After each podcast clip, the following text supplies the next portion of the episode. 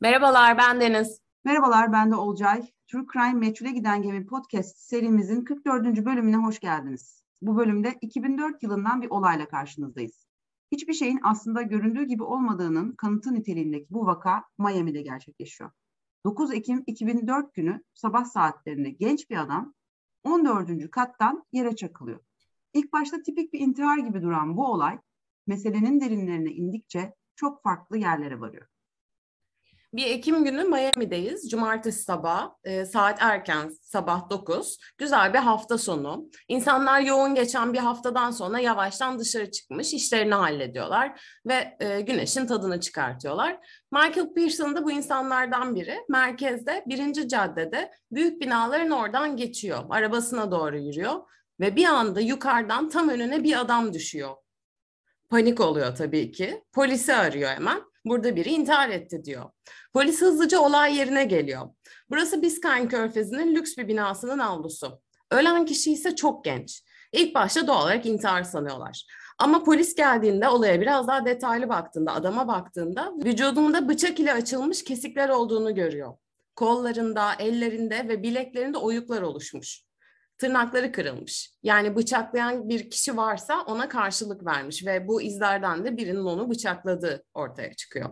Ve sonrasında da muhtemelen biri onu balkondan attı. Yani intihar değil bir cinayet şüphesiyle karşı karşıyayız. E, malum 2004 yılında olduğu için ve modern e, lüks bir yerde olduğumuz için her yerde kameralar var. Avluda da kameralar var. O sabahın ve önceki akşamki görüntüleri izliyor polis. Ölen kişi 06.50'de otoparka girmiş ve yanında bir kadın var. Komşulara soruyorlar herhangi garip bir şey gördünüz mü, ses duydunuz mu diye bütün katları geziyorlar. Ortada hiçbir şey yok. Sonra bu kişinin 14. kattaki 1414 numaralı dairede oturan kişi olduğu ortaya çıkıyor ve kendi dairesinden aşağı atlamış ya da düşmüş. Bu 23 yaşındaki kişi de James Glass. Bu dairede tek başına yaşayan bir erkek. Kapıyı çalıyorlar ilk başta acaba orada biri var mı diye. Tabii ki kapıyı kimse açmıyor. Polis kapıyı kırıp içeri giriyor. Ve hiç beklemedikleri korkunç bir olay mahalliyle karşılaşıyorlar. Her yerde kan var. Kanepenin üzerinde kanlı bir yorgan var. Zeminde kan var. Kan izlerinde de sürünme izi var. Yani biri kanlı bir şekilde oradan sürüklenmiş gibi gözüküyor. Olay yeri bununla da bitmiyor. Banyoya doğru gidiyorlar ve küvette bir kadın cesedi buluyorlar. Bu kadının üzerinde sadece iç çamaşırları var. Saçları kandan keçeleşmiş. Kafatasında ve göğsünde de darbeler var. Lavabonun üstünde kanlı bir makas buluyorlar. Bir de ütü buluyorlar. Suç aleti muhtemelen bu makas ve ütü. Salona geri döndüklerinde de tekrar bir baktıklarında kanlı bıçağı buluyorlar. Ee, bu kadın otoparkta görüntüledikleri arabada James'le beraber olan kadın. Yani bu noktada polis artık olayın ikili cinayet olduğunu düşünüyor. İlk başta intihar şüphesiyle başlayan olayı. Salonda bir tane çanta buluyorlar e, ve kızın telefonu ve kimliği var içinde. Kendisi 26 yaşındaki Amy Hoyos. E, kızın kız kardeşinden biraz Amy'yi dinleyelim nasıl biri diye. E, bu arada biz bunu yine bir belgeselden aldık. Blue TV'de bir belgeselden. İlginizi çekerse zaten e, Instagram'dan paylaşırız. Amy hem dış görünüş olarak çok güzel hem çok iyi bir insanmış. Mutlu, düşünceli, nazik, hep başkalarını düşünen biriymiş. Kendisi vefat etmeden önce resepsiyonda çalışıyormuş ve bir kulübün tanıtım sorumlusuymuş. Ama aslında itfaiyeci olmak istiyormuş. James'le de tanışıyorlarmış. Binadan düşen kişiyle yani tanışıyorlarmış. Ee, ve yakın arkadaşlarmış. Ee, yine Amy'nin ablasının söylediklerine göre James normal bir çocukmuş. Ee, fazla arkadaşı yokmuş. Ailesi Texas'ta emlakçıymış. James de Miami'ye, Texas'tan kendi işini kurmak için gelmiş. O da ailesi gibi emlakçılık işine devam etmek istiyormuş. Hatta emlakçı olmak için formları doldurmuş ama bunları henüz tamamlamamış. Polis o sırada buna da ulaşıyor. Ee, Amy çok korumacı biriymiş. Bu ikisinin yakın arkadaşlığının nedeni bu. James'in arkadaşı yok ve şehirde yeni diye yalnız kalmasını istemiyormuş. O yüzden onun hep yanındaymış. Şehri beraber geziyorlarmış. Ee, ama normalde bu akşam evine dönecekmiş. Yani burada kalması beklenmiyormuş. Ablasının anlatımına göre ablasına gidecekmiş. James'in babasının anlattıklarına göre biraz James'ten bahsedelim. Herhangi bir düşmanları yok. Ama James'in babasının e, Amy'nin ablasına göre söylediği farklı bir şey var. James Amy'den hoşlanıyormuş. E, bayağı ailesine falan da anlatmış, fotoğraflarını yollamış ama e, Amy'den böyle bir şey yok. Dediğim gibi tamamen çok yakın arkadaş olarak görüyor James'i ve korumacı biri olduğu için gerçekten şehirde onu yalnız bırakmak istemiyor. Amy'nin telefonuna da ulaştıklarını söylemiştik biraz önce. Amy'nin telefonundan son aranan kişiyi ararlar. Ve bu kişiye dün Amy ile konuştunuz mu der polis. E, fakat karşıdaki kişi bir erkek sesi telefonu polisin yüzüne kapatır. Bu kişinin kim olduğu ortaya çıkar. Kendisi bir limuzin şoförü Abe Metz. Abe'i tekrar ararlar.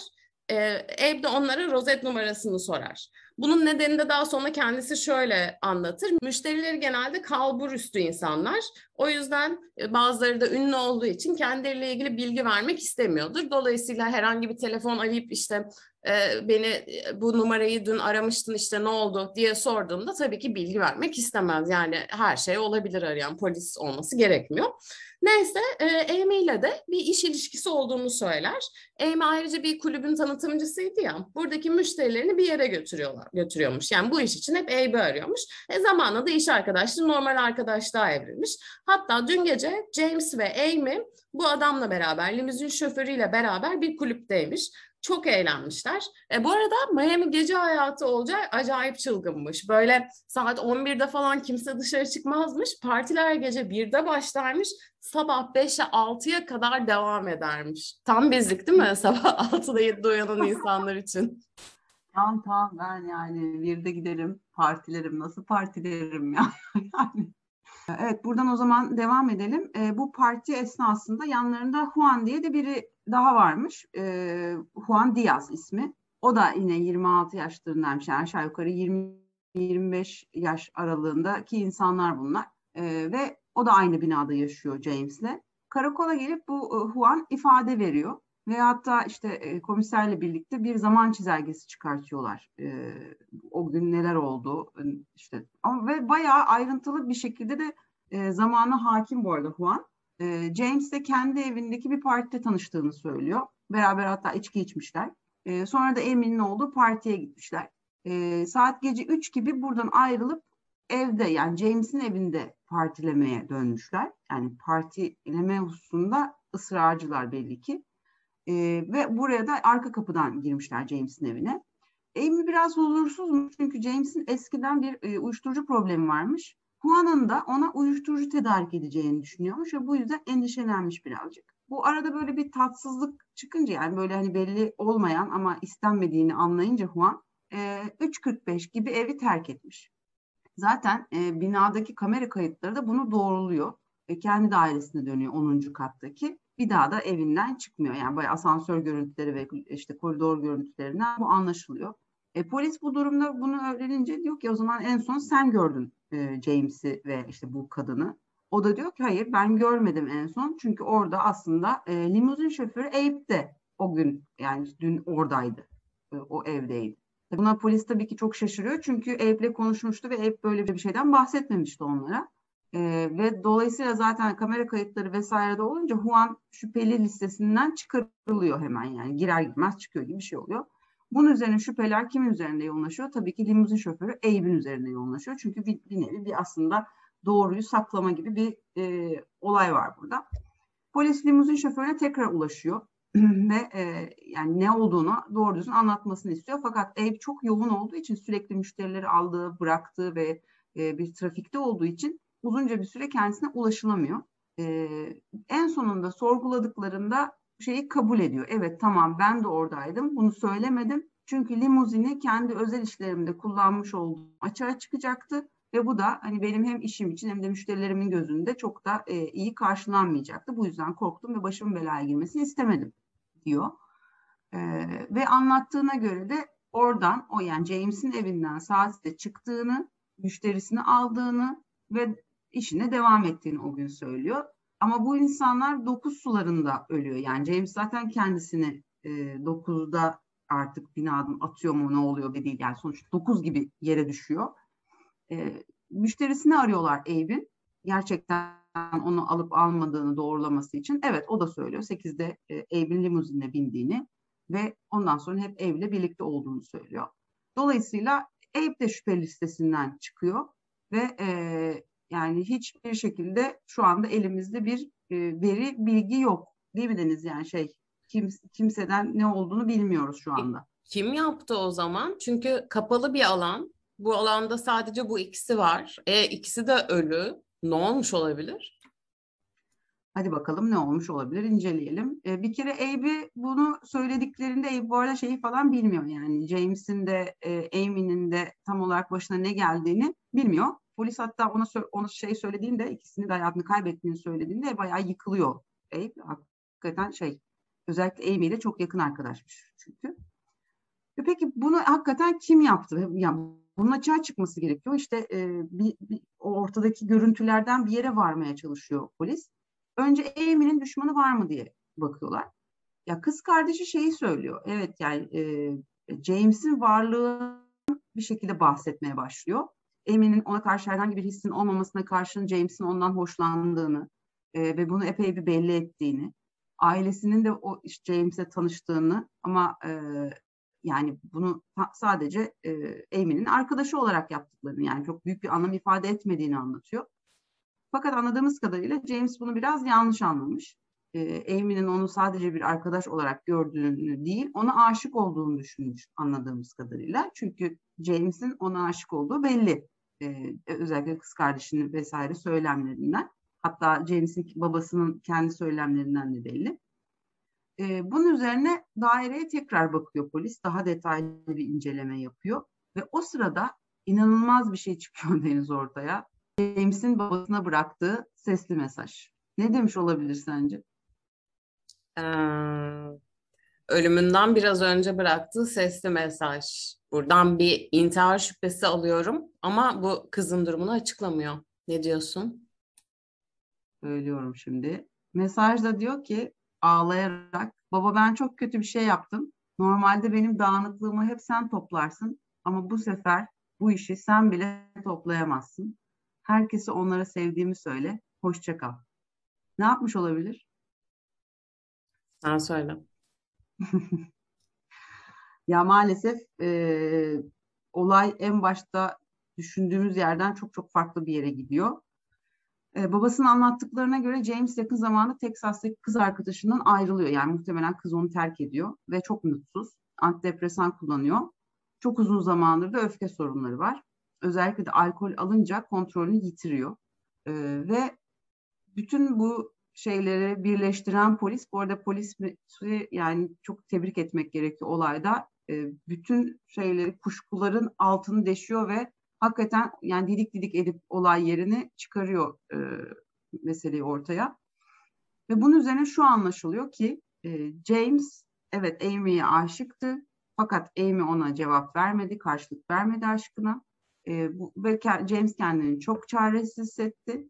Bunun üzerine e, biraz daha tabii alkol de işin içerisine girince evde yalnız kaldıklarında Amy ile birlikte olmak istedi. Fakat Amy buna karşı çıktı. Bunun üzerine e, aralarında bir sürtüşme yaşandı. Mücadeleye giriştiler. Bir boğuşma izlerinden zaten anlaşılıyor bu hem Amy'nin üzerindeki hem James'in üzerindeki. Ve e, sonra James yakındaki makası kaptı. E, Amy'nin göğsüne sapladı. Sonra buradan e, Amy ölmeyince bir, yine yakındaki ütüyü kopardı. Ütünün kordonuyla önce boğdu. Daha sonra da ütüyü e, ağır bir darbe olması için Amy'nin başına indirdi ve bunun üzerinde Amy hayatını kaybetti. Peki sonra ne yaptı? James e, tabii yani bu işlerle uzaktan yakından ilişkisi olmadığı için ne yapacağını bilemedi ama olay yerini temizlemeye girişti. Zaten böyle olay yerinde şey işte temizlik malzemeleri falan var. Ama yani çok hiçbir işe yaramayan bir işleme girişmiş. İşte önce şeyi Amy'yi aldı, yerde sürükledi. Sürüklenme izleri vardı çünkü. Yerde sürükledi, küvetin içerisine taşıdı, küvete koydu. Sonra etrafı temizlemeye çalıştı ama olmadığını fark etti. Temizlenmediğini fark etti. Ondan sonra da e, oturup ağladı muhtemelen ve babasına mesajı bıraktı. Sonra da e, bilek önce bileklerini kesmeye çalıştı. Fakat yani kendini öldürmek anladığım kadarıyla o kadar kolay bir şey değil. E, yüzeysel birkaç tane e, kesik attı bileklerine. Buradan herhangi bir şey olmayınca göğsünde bıçakla yaralar açtı. Buradan da olmayınca en son e, koşarak kendini 14. kattan aşağı attı. Ve zaten e, yapılan otopsi sonucunda yaraların, üzerindeki yaraların çoğunun düşerken ağaç dallarına takılmasından kaynaklandığı ortaya çıkıyor. Evet işte bıçak yaraları da var ama bunlar hani bir kişi tarafından yapılmamış. Kendisinin açtığı belli. E, otopside incelendikten sonra bu ortaya çıkıyor. Ve e, ölüm nedeni bıçaklama değil yani. E, tamamen şey yere çarpıp ölüyor. Bu da böyle bir e, vaka. Bu vakada ilgimi çeken, dikkatimi çeken bir şey oldu. Babasına bıraktığı sesli mesaj aslında pek çok şeyi aydınlığa çıkartıyor. Yani o olmasa zaten bir delil olmayacak ve olaydan maksimum herhalde şüpheleniyor olur polis ve yani bir rafa kalkıp gidecek dosya. Babayı takdir etmek lazım ya. Yani şey bu sesli mesaj tamam yani herhalde bir şekilde ortaya çıkacaktı zaten mahkeme kararıyla bir şeyle ama e, kendisi zaten anlatmış. Ya çok kötü bir olay. Ben bu olaya çok üzüldüm. Hiç böyle beklediğim gibi bir şey değildi. Çünkü ikisini de mağdur zannediyoruz aslında hikayeyi ilk dinledim. Bu arada hikayeyi böyle anlatma sebebimiz e, olay böyle anlatılıyor. Şundan dolayı bahsettiğimiz belgeselde olayı çözen dedektif var zaten. E, tüm süreci anlatıyor nasıl çözdüklerini. O yüzden biz onun ağzından olan e, şeklinde yer vermek istedik. Yani çok şaşırttı beni. Biraz üzdü, kalbimi kırdı açıkçası. Sen ne düşünüyorsun? Evet ya bir de böyle şey bu insanlar çok küçük insanlar ya işte yani işte bu e, James 23, Amy 26 yaşında yani daha ko- kocaman bir gelecek var önlerinde. Bu ne kadar neyin öfkesi bu kontrolünü yitirtecek kadar e, bu hale sokuyor bir insan, insanları. Ben ya algılamakta güçlük çekiyorum. Bir de şey e, ya babayı dediğin gibi takdir etmenin yanında bence dedektifi de takdir etmekte fayda var. Çünkü asla işin ucunu bırakmıyor yani. Hakikaten ben bayağı etkilendim onda. Çünkü ne vakaları e, polis şeyi ilgisizliği yüzünden yitirdiğimizi düşünürsek burada da adam böyle deşmeseydi belki de ikisi de işte biri geldi onları bıçakladı ya da işte ütüyle vurdu diğerini de attı şeye e, ve kaçtı gitti diye belki de e, böyle hiç ne olduğunu anlayamayacaktık yani. Evet evet polis uğraşmamak için şey bile diyebilirdi. Eh, işte kulüplere gidiyorlardı herhalde birilerine borçları vardı. İşte başlarına da bu geldi. Kanıt da yok işte görüntülerde yok deyip geçiştirebilirdi yani ama bayağı didik didik ayıklamışlar. Helal olsun demek istiyorum. Bence de aynı fikirdeyim. Ee, tebrik ediyoruz kendilerini. Ama onun dışında şey yani çok çok korkunç bir vaka. Sonra bir de şey ablasının falan böyle tabii yıllar geçmiş yani böyle şeyleri var, beyanları var yani sonuçta benim çocuğumu göremedi benim kardeşim. Ben belki onun potansiyel çocuğunu göremedim gibi. Yani bir şey vakası böyle bir bu, aslında nereden çıkıyor? Yani her şeyin ilk özetine baktığımızda bir depresyon süreci var. Bir, bir de işte şey yani öfke problemi var. Bunun e, ortadan kaldırılmaması kaç insanın hayatına mal oluyor. Bu çok çok kötü bir olay ya. Evet. Çok üzüldük biz buna. Bu arada e, dinleyicilerimizden Taner'in doğum günü bugün. Taner doğum günün kutlu olsun. İyi ki doğdun. Nice senelere Taner 19 yaşına girmişsin. Çok güzel bir yaş geçir. Ya özellikle sizden gelen yorumlar çok değerli bizim için. Gerçekten çok kıymetli. Her zaman Instagram sayfamızda yorumlarınızı, önerilerinizi, eleştirilerinizi bekliyoruz. Bu bölüm bizden bu kadar. Bu arada e, Aralık ayında İstanbul'da bir fiziksel etkinliğimiz olacak. Onun müjdesini şimdiden verelim. Detayları zaten daha sonra yine e, sosyal medya sayfalarımızdan paylaşacağız. Görüşmek üzere, hoşçakalın.